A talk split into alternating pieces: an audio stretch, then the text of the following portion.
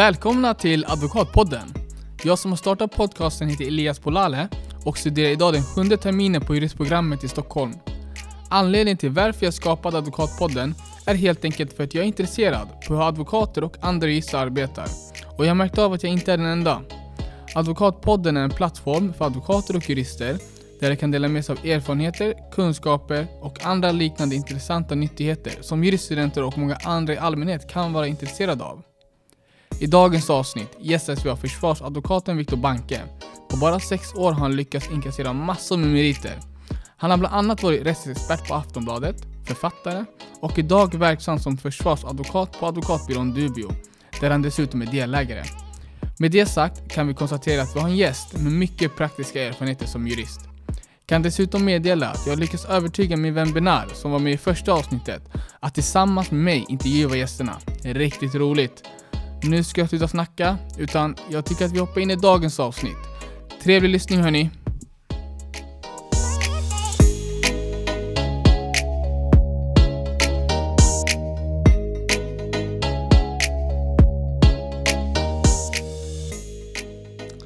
Välkommen advokat Viktor Banke till Advokatpodden. Tack för det. Kul att du kunde komma hit. Yes. Hur har din dag varit? Min dag har inletts med eh, två magsjuka barn som jag har tagit hand om på förmiddagen och därefter eh, polisförhör om eh, barnpornografibrott faktiskt och Oj. våldtäkt mot barn. Vilken kontrast. ja. Ja, verkligen. Hur förbereder man sig inför ett eh, polisförhör? Det beror lite på vad det handlar om men det viktigaste tror jag är att förbereda klienten på polisförhör. Att eh, förbereda klienten på vad som kommer sägas, eh, vilka rättigheter och skyldigheter man har och då kanske främst att man inte överhuvudtaget som misstänkt behöver medverka på något sätt. Och sen handlar det naturligtvis också om att reda ut vad som har hänt, att tillsammans bygga upp ett försvar redan från början, vilken linje man ska ha, vad man ska säga, vad man ska svara på, vad man inte ska svara på. Eh, och också kanske förbereda klienten lite grann på vad det kan finnas för typ av bevisning. Idag är det ju väldigt ofta så att saker och ting hittas i telefoner eller på sociala medier eller vad det nu kan vara. Men jag tänker att eh, för någon som aldrig varit på ett polisförhör Mm. och är misstänkt för brott så kan det vara svårt att hålla koll på allting. Mm. Ehm, gör du någon gest eller så om någon liksom håller på att tabba sig, någon klient? Eller vad, vad gör du liksom ad, som advokat då? Om någon håller på att tabba sig, då begär jag en paus. En paus? okej. Det har vi alltid rätt att begära och det säger jag till klienten också. Att är det nå alltså, känner du dig trängd eller vet du inte vad du ska säga eller vill du, vill du möjligtvis ha råd från mig så begär hellre en paus än att börja liksom gissa och frispela och sådär. Okej, okej. För att, alltså, för att försöka förklara det här så enkelt som möjligt så är det ju så att i Sverige har vi omedelbarhets och muntlighetsprincip under domstolsförhandling och det innebär att rätten läser ju inte det som, som finns i förundersökningen och det är bland annat då polisförhören. Men skulle det skilja sig åt, det vill säga att man lämnar en annan version under själva huvudförhandlingen, då kommer man i många fall att läsa upp det som har sagts i förhör. Om, om det är så till exempel att åklagaren tycker att det som sades under förhör var bättre för åklagarens linje så kommer åklagaren vilja läsa upp det. Så att allting man säger redan från första stund kan få betydelse långt senare, kanske ett år senare under huvudförhandling. Och därför så ska man ju heller aldrig, tycker jag, gå till ett polisförhör utan advokat. Det är ju många som gör det och jag vet att polisen har ju inte alltid, alltså polisen informerar ju klienten om att du har rätt till advokat nu, men vi kan också hålla det utan. Och då är det många som säger att ja, men vi kör. För att de inser kanske inte allt det här, men jag tycker aldrig man ska göra det. Nej, det låter klokt att ha med sig en advokat till ett polisförhör. Yes. Men om vi spolar tillbaka några år. Mm. eh, Hur var din resa till juristprogrammet och vad fick dig att vilja plugga juridik? Ehm, om vi spolar tillbaks det till ja, men typ 12 år, Ja, ehm, så är vi någonstans eh, 2007. Ehm, jag och min dåvarande eh, flickvän bodde i Lund och jag hade läst lite kriminologi och så vidare på universitetet. Och ja, vi var väl lite så här, ha, vad ska vi nu göra av våra liv liksom? Jag hade alltid vetat att jag skulle läsa någonting, men inte riktigt vad. Jag hade arbetat lite som frilansjournalist och, och arbetat lite med elevdemokrati och andra liksom rättvisefrågor. hade varit ganska engagerad i många olika eh, organisationer, eh, Amnesty och, och Röda Korset och så vidare. Ehm, och de två sakerna som jag var intresserad av, det var antingen idrottspsykolog, som jag tycker är väldigt fascinerande, eh, och å andra sidan Alltså försvarsadvokat är liksom det enda som egentligen någonsin har varit mitt drömyrke. Mm. Så då var det de två sakerna. Vi gick och gjorde högskoleprovet i Lund. Jag tror att jag hade kommit in på båda om jag bara inte hade varit en matematisk idiot, som så många andra jurister, men nu är jag det. Ehm, och att läsa till psykolog krävde mer matte än vad jag i alla fall då eh, hade läst eller klarat av. Så att då återstod juristprogrammet eh, och då valde vi Stockholm för att ja, Lund gör man ganska snabbt så att vi var lite trötta på det. Så det blev juristprogrammet i Stockholm. Så, så du, visst, du säger att du visste redan från början att du ville bli försvarsadvokat. Eh, hur var det att gå igenom de affärsjuridiska kurserna då på juristprogrammet?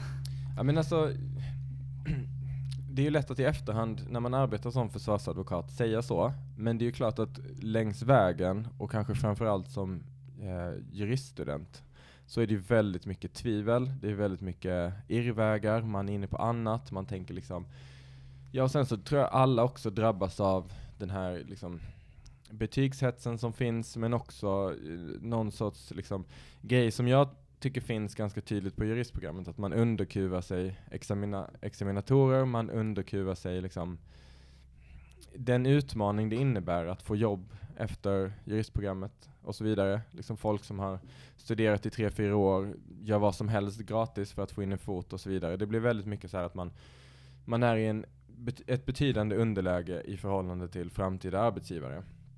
Så att det är inte så att det var inte så att jag dansade igenom juristprogrammet och hela tiden tänkte att jag skulle bli försvarsadvokat, utan det är nog mer så att när jag tittar tillbaks på det från min ungdom, eh, när jag alltid tog folk i försvar, när jag liksom blev nästan retad liksom för att vara försvarsadvokaten i alla sammanhang.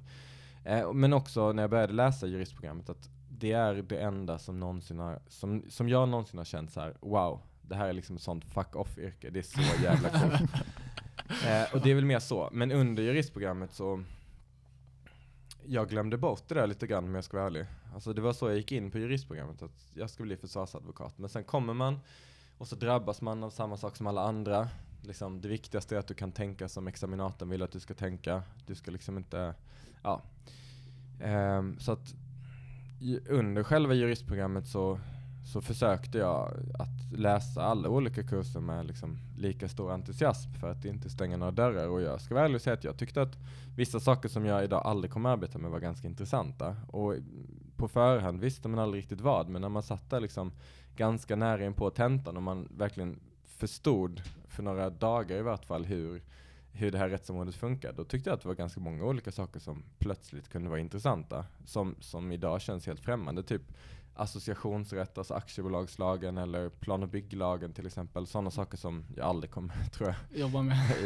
jobba med någonsin. Mm. Så att eh, under juristprogrammet så var det lite fram och tillbaka. Och om, jag, om ni ger mig tiden så ska jag också förklara hur, hur jag halkade tillbaka till försvarsadvokat. Det var nämligen så här att mot slutet av programmet, och då bör man också känna till att jag läste aldrig juristprogrammet för att få liksom AB rakt igenom. Jag var 26 tror jag när jag började och jag ville mest läsa klart så fort som möjligt. Jag läste ganska mycket dubbelt. Jag tror att jag läste programmet på Ja, men jag började i slutet av januari 2010. Jag lämnade in examensarbetet eller uppsatsen i maj 2013. Så jag läste det Wow, lite snabbare. riktigt bra jobbat. Eh, Ja, verkligen. Tack, men, men då ger man ju också upp det här med betygen. Alltså då kan Ja, man liksom inte det. hålla på och blanka och grejer utan då får man ju liksom bara köra. Så att jag bara körde och så tänkte jag, det löser jag i efterhand. Um, men jag, så att mot slutet av programmet och när man hade liksom drabbats av det här betygshets och, och liksom sviktande självförtroende i förhållande till framtida arbetsgivare och sådär, så var jag ganska öppen för att jag kunde i vart fall inleda med lite vad som helst. Och då, ja precis som nu, så var jag väldigt intresserad av miljöfrågor. Och jag såg också att, att det fanns liksom ännu en lucka i kopplingen mellan mänskliga rättigheter, miljöfrågor och praktisk juridik. Så det tänkte jag eh, att jag skulle skriva om. Alltså nu är vi liksom ända framme på kanske, ja men när jag skulle skriva min Ja, men examensuppsats. slutet där. Mm. Och då tog jag också kontakt med en miljö, miljöjuridisk advokatbyrå som arbetar med, med sådana här frågor. Eh, och jag fick plats där och jag tänkte att jag skulle praktisera där och sen skulle jag skriva någonting om den positiva allmännyttan i, ja, jada jada, jag kommer inte ihåg idag. Um, och någon gång under början av juristprogrammet så hade jag bara skrivit på en lapp med någon som hade stått utanför C-huset på Stockholms universitet från Jurek, nej Jusek. Ja. Jusek, ja. Jusek. Um, och då hade jag blivit så studie, studentmedlem. Jag hade inte tänkt på det eh, sen dess på flera år. Och jag hade inte heller liksom gått på något som de hade bjudit in till. Men då fick jag ett mail där de bjöd in till försvarsadvokaterna. Och det var lite grann som att det slog an någonting inom mig för att det här var ju ändå liksom, ja men det är ganska djupt rotat i mig. Så här, yrket försvarsadvokat, coolaste som finns i hela världen. Mm. Också det jag liksom hade börjat juristprogrammet för en gång i tiden, även om det kändes liksom fjärran då. Så det slog an någonting i mig och då tänkte jag att jag ska i vart fall gå dit. Så gick jag dit, de har eh, lokal på Hantverkargatan på Kungsholmen i Stockholm. Nära Stockholms tingsrätt, precis som många andra eh, advokatbyråer. Mm. Och sen så lyssnade jag på Jens Lapidus och Tobias Fält, två av de dåvarande delägarna där. Nu är ju Jens heltidsförfattare, men, men då var han också verksam försvarsadvokat. Och när jag satt där och lyssnade på dem så den främsta känslan jag kände var faktiskt ilska mot mig själv. Att jag liksom hade ägnat så stor del av juristprogrammet åt något annat än det här. Att jag liksom hade tillåtit mig själv att glömma bort vad det var jag egentligen ville göra och liksom börja tänka för mycket på tentor och annat skit liksom. Um, och jag tyckte det var riktigt frustrerande att sitta och lyssna och anledningen till att jag gjorde det, det var för att allt de sa var liksom exakt precis det jag känner inför rättssamhället, inför människor i rättssamhället, inför de som är misstänkta för brott. Eh, och jag tyckte det var så frustrerande att jag hade liksom glömt bort det där och tillåta mig själv att liksom glömma bort det där. Så att på kvällen när jag kom hem så skrev jag till Jens, eller om det nu var Jens och Tobias. Och då skrev jag bara så att jag fattar att det här liksom är alldeles för sent. Eh, jag vill bara säga att det var otroligt bra att få lyssna på er. Eh, mest blev jag arg på mig själv, att jag liksom har försummat det här. Ja, jag fattar om ni redan liksom har allting fullsatt. Men skulle det vara så att det mot förmodan är så att ni har en plats för mig så, så chansar jag i vart fall och, och eh, skriver där. För jag, någonstans tidigare så ville jag faktiskt bli försvarsadvokat och ni påminner mig om att jag fortfarande vill det. Så svarade Jens att eh, jag skulle komma dit och för att göra en lång historia lite kortare i vart fall så, så kom jag dit, jag träffade Jens och Tobias och sen så praktiserade jag där i eh, tio veckor. Um, och det var främst Jens Lapidus jag var med. Jag var ibland med Tobias Fält och ibland med Johan Eriksson och Clea Sangborn och de andra advokaterna där. Um, och när jag var med, med dem i domstol, då var det bara så här. Det här är till och med bättre än jag någonsin kunde tänka mig. Mm. Att få betalt för att argumentera, för det första. Eh, för att säga emot, för att representera folk som är i en väldigt utsatt situation. Eh, är bara liksom underbart. Men också så såg jag den nerv som finns under själva huvudförhandlingen och som jag tycker att juristprogrammet tyvärr inte lyckas förmedla till juriststudenterna. Eh, det var, allt var helt enkelt underbart och det kollegiala var underbart och, och ja, klientkontakt och allting. Så att när jag hade varit där i tio veckor, då var det liksom, då var det väldigt tydligt att, att eh, det, jag kanske kommer göra något annat först, men det är här jag kommer hamna. Och så skrev jag också, jag ändrade lite snabbt. Eh, vi pratade här ute om, om det här med examensuppsats. När jag fick veta att jag eh, att jag skulle börja på försvarsadvokaterna eller praktisera där då, då fick jag typ tio minuter på mig att, att hitta ett ämne mm. eh, för examensuppsats inom straffrätt istället. Och då satte jag mig ner och tog en kopp kaffe och så tänkte jag, vad, vad har jag liksom snappat upp? Vad är det jag undrar över? Och då kom jag ihåg att nödvärnsexcess hade jag, eh, det hade jag funderat mycket på under straffrätten. Och då framförallt det så kallade Hammarfallet. Jag vet inte om ni läs, har läst det? Jo, jag känner igen det faktiskt. Ja, jag kommer inte ihåg det i alla fall. Nej. Nej. NJA 2009, sidan 234 i alla fall. En familjepappa som eh, ganska brutalt slår ner en eh, granne på just uppfarten. Det, just mm. det, just så det. Och det minns jag att, att under straffrättskursen så hade jag verkligen fängslats av det fallet och noterat hur extremt generös den tillämpningen var. Men också vissa uttalanden som HD gjorde där i som jag tyckte var lite märkliga. Så eh, det, det kom jag på. Vad, vad ska utgöra nödvändig success? Eh, det vill säga vad, vad ska vara, göra att det är straffritt?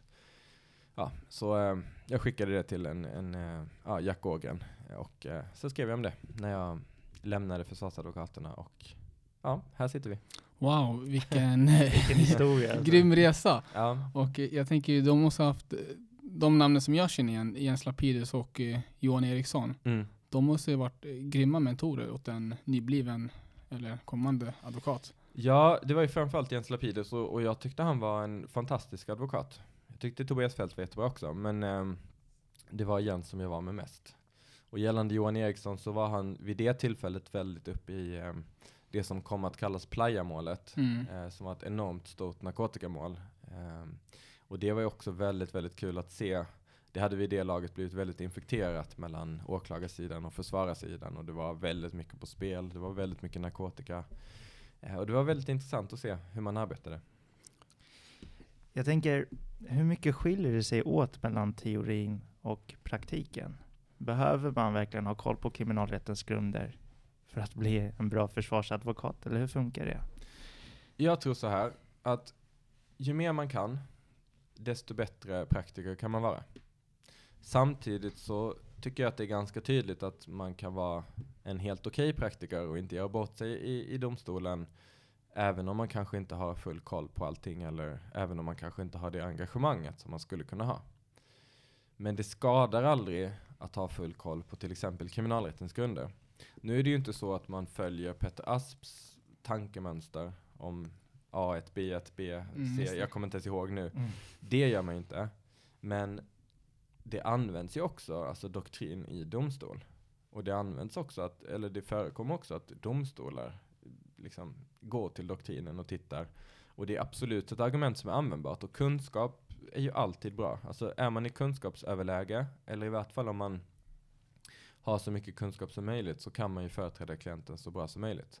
Men med det sagt så är det ju kanske inte alltid den teoretiska kunskapen som blir avgörande. Det är väldigt många andra saker också som man inte får med sig från juristprogrammet som man behöver kunna. Som vad då? Framförallt klientkontakt. Vara en, eh, en bra medmänniska. Det här är ju ofta personer som riskerar långa fängelsestraff som när vi är på den sidan, eh, alltså som målsägande beträde, utsatta för grova brott. Eh, man ska kunna känna av när man kan bryta in i, under polisförhör. Ehm, det är väldigt mycket taktiserande. Väldigt mycket handlar om vad man inte ska säga. Frågor man inte ska ställa under domstolsförhandlingen. Man måste ha huvudet med sig. Man måste kunna läsa av eh, skeenden i, i och efter och innan domstolsförhandlingen. Och man måste kunna vara en retoriker. Prata och övertyga människor. För hur mycket man än tänker att, att allting är liksom uttänkt och reglerat och avgjort av Högsta domstolen och så vidare. Så är det ändå så att det sitter människor på andra sidan. Och det här är liksom alla regler, alla ordval har olika uttolkningar. Liksom, synnerliga skäl. Ja men vad är synnerliga skäl liksom? Det, det finns inget facit. Nej, subjektivt. Så att eh, därför så måste man framförallt skulle jag säga vara en människa och retoriker. Intressant. Eh, jag tänkte på Leif Sil- Silbersky har ju sagt att när han går in i rättssalen då får han adrenalinkick utav Mm. det. Eh, hur taggar du dig själv inför liksom, court day så att säga? Alltså nu är jag i domstol så mycket så att jag hinner liksom inte riktigt, jag brukar klaga på det att jag, jag, jag, hinner, inte, jag hinner inte tagga till. Ja, alltså, jag drivs ju ganska mycket av en egen känsla för liksom vad som är rätt eller fel. Och i många fall så behövs absolut ingen tilltaggning så att säga, utan Kaffe? Ja, väldigt mycket kaffe i och för sig, men, men tycker man att, så här, att den här bevisningen räcker inte, då, då får jag hur mycket energi som helst. Och jag vägrar nästan, alltså jag, det tillhör ju spelet att acceptera när det till exempel blir en fällande dom ändå, eller när någon häktas ändå, eller vad man nu ska säga. Men, men jag tycker att det är så, får man svära på den här podden? Ja, det är bara Ja. att köra. Så jävla provocerande när någon till exempel blir häktad utan att man upplever att det finns grund för det. Och ännu mer när någon blir dömd eh, på lösa grunder eller på dålig bevisning. Jag behöver absolut inget energitillskott liksom. Ja, alltså advokater jobbar ju oftast i uppförsbacke.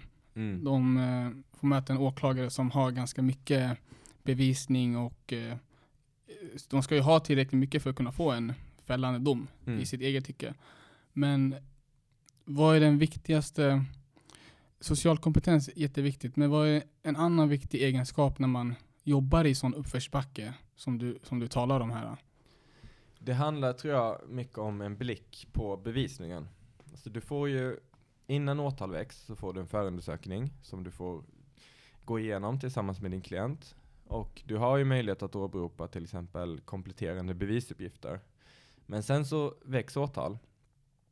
Och då är det, då ser, dels så ser du vad åklagaren har åberopat. Och det finns ju i utredningen redan.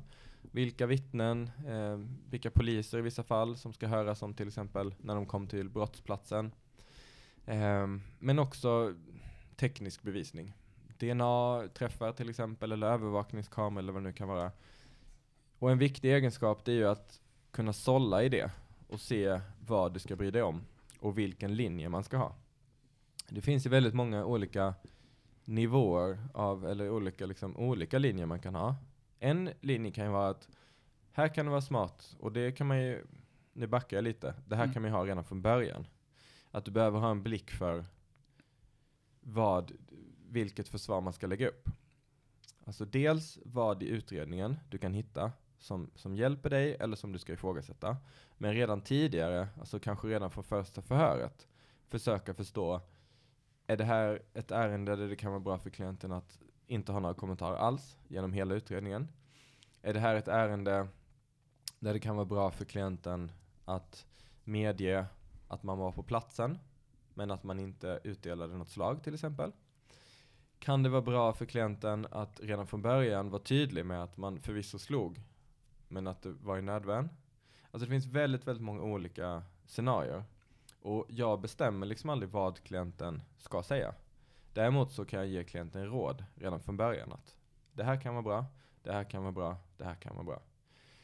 Som till exempel, har du ett sexualbrott, någon som är misstänkt för våldtäkt till exempel. Ehm, en, ett råd som vi brukar ge redan inledningsvis, säg till exempel att någon är anhållen, man träffas i arresten, det är ett första polisförhör. Um, ett råd är ju att om du vet med dig att, det kom, att dina spår kommer finnas någonstans i eller på den här personen, eller på kläder, eller att ditt SL-kort visar att du har varit i närheten, eller att det finns en övervakningskamera som visar att du har gått in i byggnaden. Alltså någonting som placerar dig på platsen, eller som faktiskt kan visa att du har haft sexuellt umgänge med den här personen. Är det så, då är det ju, alltså är du säker på det, då är det liksom dumt att säga att jag har inte varit där. Eller det är dumt att säga, jag har inte haft sex med den här personen. Då är det ju i så fall bättre att säga, vi har haft sex, men jag har inte uppfattat att det inte var frivilligt. Till exempel. Är det ett ärende med många misstänkta, så kan man å andra sidan säga att var väl medveten nu om att du har ingen aning om vad alla andra kommer säga som är misstänkta. Och du måste också ta höjd för att de andra kanske inte håller sig till sanningen. Och du kan också ta höjd för att de kanske inte har upplevt samma händelseförlopp som du har gjort. Och att det förekommer att folk faktiskt skyller på varandra. Så att det är hela tiden sånt där som man måste ha blick för och veta redan från början. För att återigen, säger man fel någonstans initialt så kommer det ändå komma upp under huvudförhandlingen sen. Och då kan det bli så att domstolen helt enkelt inte tycker att man är trovärdig. Det är spännande. Eh, men det är lätt, så som jag har uppfattat det i alla fall, så är det lättare att eh, gå på att, det är brist, att vittnet inte är tillförlitlig än trovärdig. Stämmer det? För jag vet att det är två helt olika saker där. Att man är mer försiktig med att säga att vittnet inte är trovärdig, eller den tilltalande till exempel. Ja, ehm, så kan det ju vara. Och det är ju till exempel i ärenden där man kanske känner att målsäganden inte ljuger. Ehm, men det kan däremot vara så att man man kan ju minnas saker, eller tro sig minnas saker, som faktiskt inte går att kontrollera riktigt eller när man kontrollerar dem så förstår man att de, de kanske stämmer inte. Mm. Och då är det ju lättare att säga att den här personen är kanske trovärdig. Det vill säga, jag säger inte att hon eller han ljuger. Men däremot, det, det kanske brister lite i tillförlitlighet. Vi vet att, att det hon säger eller han säger kan de facto inte stämma. Och det kan ju också vara en pedagogisk grej det där att, att man vill inte framstå som någon som, som kanske påstår att ett, en målsägande ljuger. För att ofta kan det ju, alltså, om en målsägande kommer in i rättssalen, det är ju lite psykologi också. Om en målsägande går in i rättssalen och håller ett väldigt bra målsägande förhör och man känner kanske att det är ganska tydligt att, att det finns sympatier för målsäganden här. Ja. Och ibland så är det kanske också ganska tydligt att målsäganden de facto har råkat ut för någonting. Då vill man kanske inte som försvarare sen säga att hon ljuger nog. Eller han ljuger nog. Utan då är det lättare kanske att säga att med all respekt för målsäganden. Men det finns vissa uppgifter här som helt enkelt inte kan stämma. Och då är det ju lättare att ifrågasätta liksom tillförlitligheten av de uppgifter. Det vill säga hur man kan kontrollera att de stämmer eller om man kan lita på att de stämmer. Än att säga att målsäganden ljuger. Jag tänker på, nu när vi pratar om strategier, Mm. finns det någon etisk eller moralisk linje för en försvarsadvokat när man företräder en- en klient? Eh, om jag ska hitta på någon situation här bara, till exempel ifall en klient säger att ja men Viktor, jag har gjort det här brottet, men eh, vi gör allt vad vi kan för att eh, komma undan det, så, så, så jag är oskyldig. Kan du fixa det? Eh, ja, alltså vi följer ju god advokatsed. Det står i lagen att vi ska följa god advokatsed. Eh, och det är advokatsamfundet ytterst som prövar och tar fram och utövar översyn över det. Um, och det här tänker jag ganska ofta på faktiskt, att jag tror att folks uppfattning om vårt arbete är väldigt mycket att vi sysslar med lagen. Medans en väldigt stor del av det vi gör, det är dels att liksom hantera människor, men också att fundera vad som är etiskt. Alltså, vad ska jag göra i den här situationen utifrån regler om god advokatsed? Och för mig är det en hederssak och jag upplever att advokatkåren i stort följer det här ganska, ganska väl.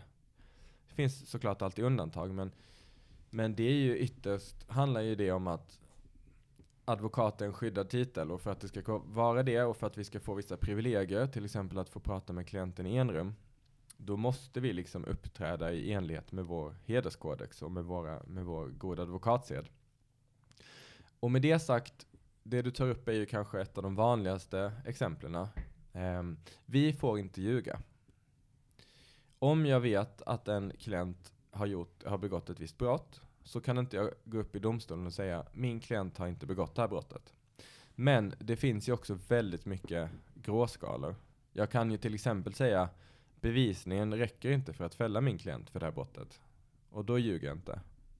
Om min klient har varit på platsen så kan inte jag säga, och jag ska säga att jag, det förutsätter att jag liksom är 100% säker på det. Till exempel att min klient säger det att, vet du vad Viktor? Den där personen du ser på videon, det är jag. Men jag vill att du ska säga att det inte är jag. Så kan inte jag göra. Därför så säger vi också till våra klienter, säg till mig som du ska säga till polisen. För jag vill inte hamna i en situation där det blir ett etiskt dilemma. Mm. För skulle det vara så att jag hamnar i en situation där det blir ett etiskt dilemma, då kan det bli så att jag måste begära mitt entledigande. Och begär jag mitt entledigande, till exempel om det uppkommer en situation sent i processen, det är ju också ett sätt att berätta för domstolen mellan raderna att här är det någonting som har hänt. Så att man vill inte hamna i den situationen. Så att jag vill liksom inte veta sånt från min klient. Och märker jag att det, det liksom är på väg att komma något sånt, då stoppar jag klienten. Och från början så säger jag, vi ska ha en gemensam linje. Jag skiter fullständigt i vad som har hänt. Berätta för mig som du tänker berätta för polisen. Jag kan ge dig råd, jag kan liksom berätta vad som är bra eller dåligt att säga. Men jag kommer aldrig kunna säga till dig vad du ska säga. Så att vi får inte ljuga, jag får inte säga det där är inte min klient på filmen om han har sagt till mig det är jag på filmen. Däremot så kan jag säga, om han säger till mig det är jag på filmen, så kan jag säga att av den filmen så går det inte att dra några säkra slutsatser om vem det är. Därför ska rätten inte heller lägga den filmen till grund för en fällande dom. Till exempel. Jurister älskar gråzoner. Ja, det gör vi. Men finns det gangsteradvokater? Man har ju hört lite att det, att det, det ska finnas några sådär. Utan att namnge någon, men Det beror ju på vad man menar med gangsteradvokat. Om man menar att det är en advokat som liksom kanske inte förhåller sig till regler, eller om det är en advokat som, som företräder gangsters. som inte förhåller sig till reglerna och som är kanske nära in på klienterna och har allt för tät Mm. kontakt. Ja, utan att nämna några namn så visst är det väl så att ibland så kan man känna att vissa saker man hör från andra klienter är lite över, eller förlåt, från andra advokater är lite över gränsen. Och visst kan det väl vara så att det finns byråer inom vår bransch som har bättre eller sämre hands eller rykte vad gäller just det. Men alltså jag har i vart fall aldrig personligen eh, stött på någon som Alltså jag har hört övertramp, absolut. Men jag har liksom, och jag har sett att det finns vissa som kanske är lite väl nära sina klienter. Men det tror jag i och för sig att andra skulle kunna säga mig också. Ehm, Mhm. Men jag, jag ser inget liksom sådär, det här är en gangsteradvokat. Det är inte ens liksom för att skydda min kår skulle jag, alltså, jag vet, handen på hjärtat, det är inte så särskilt någon jag tänker på som är sådär, här är liksom helt eh, bortom alla proportioner och bortom god advokatsed och så vidare. Det är återigen liksom, kanske något man känner att det där var kanske lite over the line och så vidare, men, men inget sådär jättetydligt. Däremot så vet jag ju att, att det kan finnas de som har sådana rykten och så vidare, men ja, inte, men jag personligen, nej, inte i min värld. Ja, eh, du tog upp att eh, advokat, att det är en skyddad titel. Vad, hur uppnår man för att kunna bli en advokat? Hur, hur får man en sådan titel? Man, eh, för, för det första är det ett eh, redbarhets och lämplighetskrav. Man ska vara redbar och lämplig. Det vill säga man ska inte, ja man ska vara en eh, allmänt pålitlig och, och eh, redbar person. Eh, man ska ha arbetat i tre år nu för tiden, det var fem år tidigare, på advokatbyrå eller kunna tillgodoräkna sig den tiden på annat sätt. Det vanligaste är väl att folk sitter ting och kan tillgodogöra sig tiden, delvis i vart fall, genom tingsmeritering. Och sen så är det, jag tror att det är tre utbildningstillfällen hos Advokatsamfundet som är obligatoriska. Det är ett konstitutionellt prov och sen så är det en muntlig examen och efter den muntliga examen så sker referensinhämtning och då ansvarar den sökande för att eh, ange alla mål man har suttit i, alla motpartsombud man har haft, domare man har haft i olika mål och helt enkelt se till att ge de namnen, ge de målen och så vidare till Advokatsamfundet. Det här är nästan den, den jobbigaste delen med att bli advokat. Eh, och så eh, förelägger Advokatsamfundet de andra personerna, eh, motpartsombud, domare och så vidare, att yttra sig över ens lämplighet. Okej. Eh, ja, så, så går det till. Du berättade ju inledningsvis hur din morgon hade varit och att du efter det gick till polisförhör. Som advokat, hur ser en vanlig arbetsvecka ut och hur många timmar blir det verkligen som man arbetar? Så grejen med vårt arbete det är att det finns inga vanliga veckor. Och det här är gift and curse så att säga. Vissa älskar det här, jag eh, älskar det. Men man märker också att vissa personer som har ett större behov av att kunna planera sitt liv, sin, sitt arbetsliv, de tenderar att falla bort och kanske börja arbeta på ja, myndighet eller organisation eller vad det nu kan vara där det är lite mer strukturerat. Anledningen till att vi aldrig kan planera våra veckor det är för att vi har ingen aning om vem som kommer gå och bli frihetsberövad till exempel och begära en som advokat. Um, vi, och det är, ja, det är grunden, att saker och ting uppkommer. Sen är det ju klart att man har ju saker inplanerade och då och då så sker det ju helt vanliga dagar eller helt vanliga veckor. Men vi kan aldrig vara säkra på det. Har man avsatt tid till exempel för att förbereda ett brottmål eller vilken förhandling som helst och sen så dagen innan så är det någon som går och blir frihetsberövad och då kanske man måste ägna stora delar av den dagen istället till att ta hand om den klienten, medverka på förhör, köpa sig, eh, ja, vad det nu kan vara, sen blir det en häktningsförhandling mm och sen så är den förberedelsetiden borta. Men med det sagt, en vanlig dag är väl kanske något eller några polisförhör någonstans. Eh, någon domstolsförhandling, kanske tre dagar av fem. något möte på kontoret, eh, springa upp på häktet, Huddinge, Kronoberg, Sollentuna, vad det nu kan vara. Men också liksom Sala, Örebro, alltså det vill säga åka lite längre och besöka klienter som sitter häktade. En hel del telefonsamtal med klienter på häktet, i arresten, efterlysta klienter. Eller bara klienter som helt enkelt är misstänkta för brott men som, som är på fri fot. Så att någon sorts, ja, åka runt en del, kanske komma inom kontoret en del, vara hos polisen eller på häkte en del. Så att det blir ett, ett himla åkande. Ja, jag ser, jag hör det. Ja. Eh, Men känner du av att det ibland kan bli för mycket? Och ifall det blir för mycket, hur gör du för att eh, kunna varva ner? Jag har ännu inte förstått hur jag ska göra det. Men jag har förstått att, det, att jag behöver göra det. Varva ner då eller? Ja. Ehm, jag tror att det är väldigt olika från person till person, från advokat till advokat. Vissa tycker jag verkar klara det där mycket bättre. Jag är en otroligt eh, dålig personlighet tror jag, eh, när det kommer till att ta hand om mig själv eller liksom inte bli utmattad och så vidare.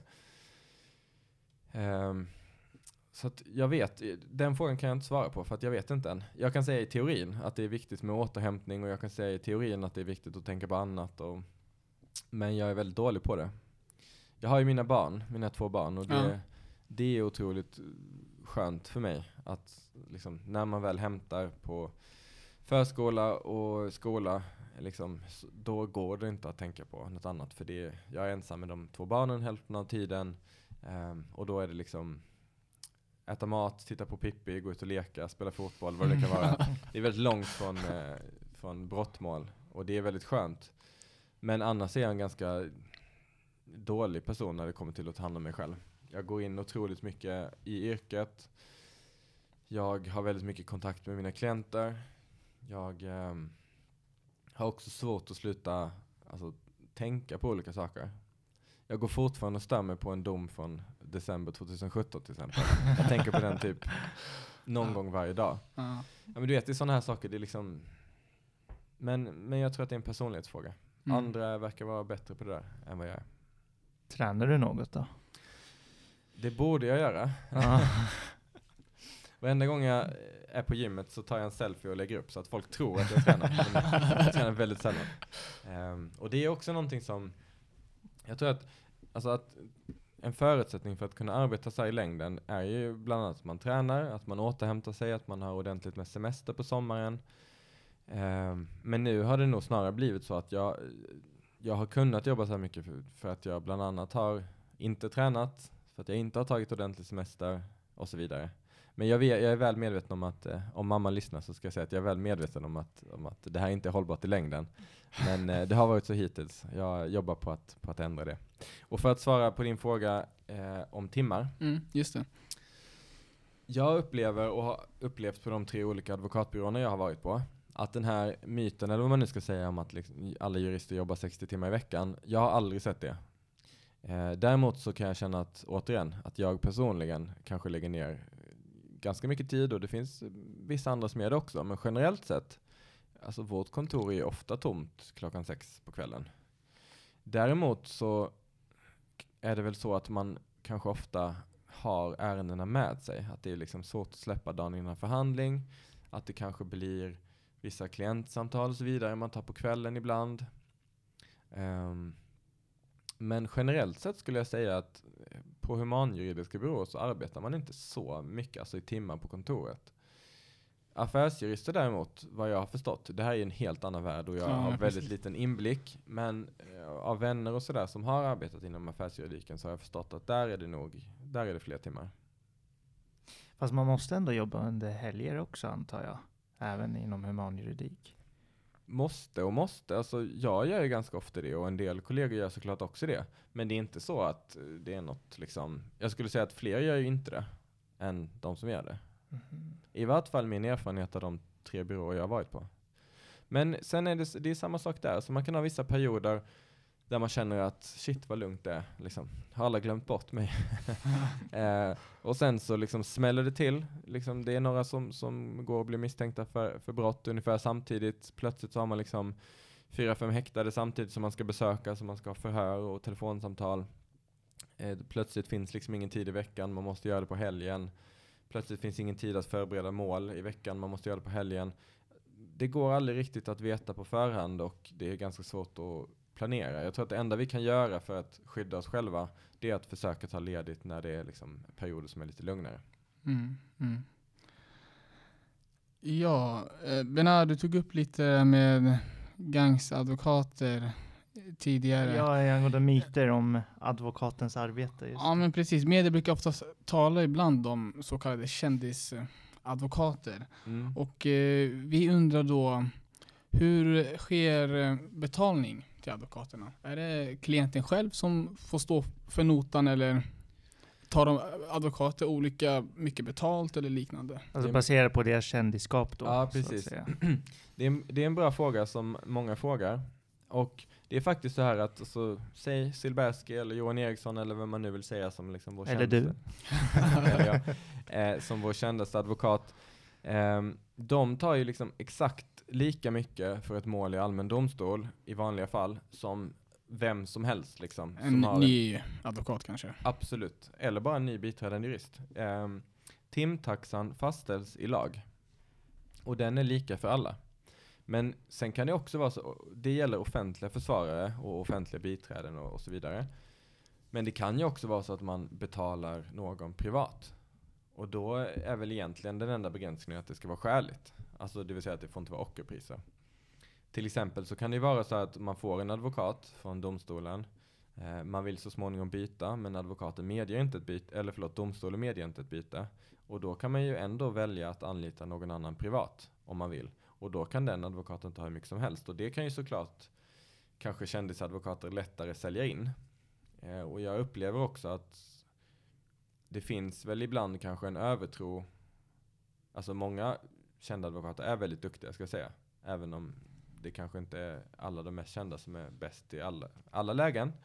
Men jag upplever att det finns ibland en övertro på vad advokaten kan åstadkomma och att det kanske blir så att folk tänker att om jag bara får den här advokaten då, då kommer utfallet bli helt annorlunda. Och det kan det absolut bli med en duktig advokat. Men det kan också vara så att en mindre namnkunnig advokat hinner göra ett betydligt bättre arbete i ett visst fall än den mest eftertraktade. Intressant. Ja, um, Viktor, du, är väl- du är ganska flitig användare på Twitter. Jag som själv nästan aldrig har använt Twitter har innan den här intervjun gått in och kikat lite. Och eh, jag fastnade faktiskt och eh, scrollade ganska länge och tyckte många saker var väldigt humoristiska. Men jag undrar, din eh, Twitter-karriär, om man säger det så, har den betytt något för dig i din eh, verksamhet som advokat? Jag tror att den har varit både bra och dålig. Alltså det är ju onekligen ett väldigt bra forum för att nå ut, både liksom till allmänheten, till journalister, alltså i, i vissa fall också företräda sina klienter. Um, det vill säga, ibland så är det så att har man mer uppmärksammade mål så kan det finnas ett behov av att inte bara liksom argumentera juridiskt utan också att stå upp för klienten i övrigt.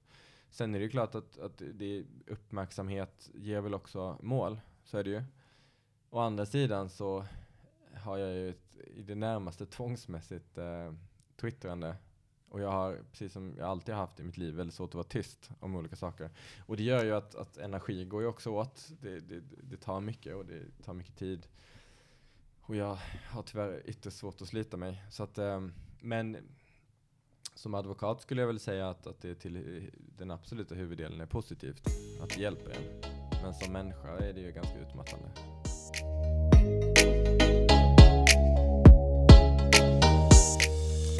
Ja, nu mot eh, slutet av avsnittet så är det tänkt att jag ska ställa dig fem snabba och intressanta frågeställningar, Viktor. Yes. Eh, då kör vi igång direkt här. Mm. Vad hade du blivit ifall du inte hade blivit jurist eller idrottspsykolog som vi talade om i början?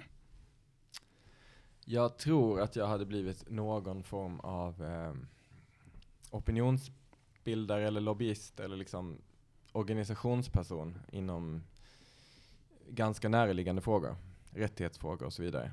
Jag kan tänka mig kanske någonting, Amnesty, Röda Korset, något liknande. Inte politiker? Alltså jag har väldigt svårt för, för den lojalitet eh, till ett visst parti. Mm. Ehm, och det var, det var snällt sagt. Jag, jag kan också säga att man gör upp, man, man eh, gör avkall på sin, sin intellektuella hederlighet tycker jag. Mm. Eh, I många fall som eh, lojal partist. Och jag, jag klarar inte av det. Med all respekt, jag tycker det är jätteviktigt att engagera sig politiskt. Och jag förstår att det finns de, att det ibland är högt i tak och sådär inom partier. Men när man ser andra liksom, partilojala yttra sig och liksom vända kappan efter partivinden Ja. och så vidare. Jag, jag mår illa. Förlåt. Det är lugnt, det är lugnt. Ehm, ditt eh, bästa tips till studenter som idag vill bli advokater? Gå till domstol. Du kommer aldrig kunna läsa dig till eh, vad du får se i en domstol. Och det är otroligt inspirerande. Vad är det roligaste med att vara advokat? Det roligaste är ju naturligtvis friande domar, skulle jag säga. Men, men också liksom, alltså det är en sån resa man är med om tillsammans med, med en klient. Man, så, och det är liksom så stora perspektiv. Senast förra veckan så satt jag i domstol där åklagaren yrkar på fem års fängelse och man hör liksom hur familjen i rättssalen som är där och lyssnar börjar gråta och liksom känner att shit, det här liksom, hela våra liv liksom i princip förstörs Mm. just nu. Och sen en timme senare så, så släpps klienten på fri fot och, och man går ut tillsammans och det är liksom klang och jubelföreställning och solen skiner och alla är jätteglada och kramas och sådär. Det är liksom de här otroliga perspektiven som gör att det är en, det är en nerv hela tiden som, som gör att det känns, det är liksom på riktigt. Vad är det svåraste då? Bra fråga. Det svåraste som jag i vart fall har varit med om hittills, det är ju liksom livsbalansen. Att inte förlora sig fullständigt i Mm. yrket. Och ska man försöka sig på vad som är det svåraste med själva yrket, så skulle jag nog säga samma sak. Att alltså, hantera människor. Är, man möter människor där nästan alla samtidigt upplever sig vara i, i sitt livs värsta, eller i vart fall en väldigt stor kris. Och, eh, och det ska man liksom klara av att hantera samtidigt som man ska hantera sin arbetsbelastning och man ska vara juridiskt korrekt, man ska vara påläst och förberedd och så vidare. Det, det är ett svårt pussel. Ja, och så nu till den sista frågan. Och eh, den har inte sån eh, stor juridisk koppling. Nej. Men av vår egen research så har vi sett att du gillar svensk eh, rap Ja. ganska mycket. Ja. Och då ska vi låta dig välja mellan två stycken artister som är ganska kända inom den svenska rappen. Shoot. Z.E. eller Yasin The Don. Jag visste att du skulle välja de två, eller jag hade det på känn. Ehm, det är två väldigt bra rappare, på lite olika sätt skulle jag säga. Men jag skulle ändå säga att Yasin har definitivt någonting som Z saknar. Ja, grymt. Så Yasin Bin. Ja, Ja. Men eh, ja, det var allt för, för idag va? det var allt för idag. Och eh, hur hittar man dig då? Om man försöker kontakta dig. Ehm, om man sitter frihetsberövad så behöver man bara säga mitt namn. Då ska man inte prata med polisen innan. Eh, skämt åsido, om man inte gör det, vilket jag utgår från att de flesta som lyssnar på det här inte gör, så kan man väl eh, mejla, antar jag. Viktor.advokatdubio.se Grymt. eller för all del Twitter som ni nämnde. Twitter eller Instagram kanske. Eller Instagram kanske. Yes.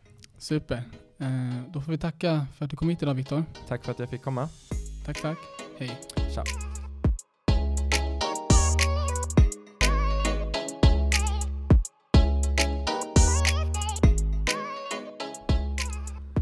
Tack för att ni lyssnade. Vi hoppas att ni gillade detta avsnitt på Advokatpodden. Vi vill passa på att rikta ett stort tack till den grymma advokaten Viktor Banke som deltog idag. Vi är verkligen glada att han var den första advokaten som gästade podcasten. Stort tack även till producenten Elliot Reyes som hjälpt mig att ta fram introlåten till podcasten. Ifall ni gillade avsnittet och tycker att det på något sätt var intressant, följ oss gärna på sociala medier för att inte missa när nästa avsnitt släpps. Ni hittar oss under namnet Advokatpodden på Facebook och Instagram. Fortsätt gärna sprida podcasten till familj och vänner som kan gilla det vi skapar här på Advokatpodden. Ifall du som advokat eller jurist vill delta på Advokatpodden är du välkommen att skriva till oss på Instagram eller skicka iväg ett mail till advokatpodden gmail.com. Tack för att du lyssnade och vi hörs snart igen.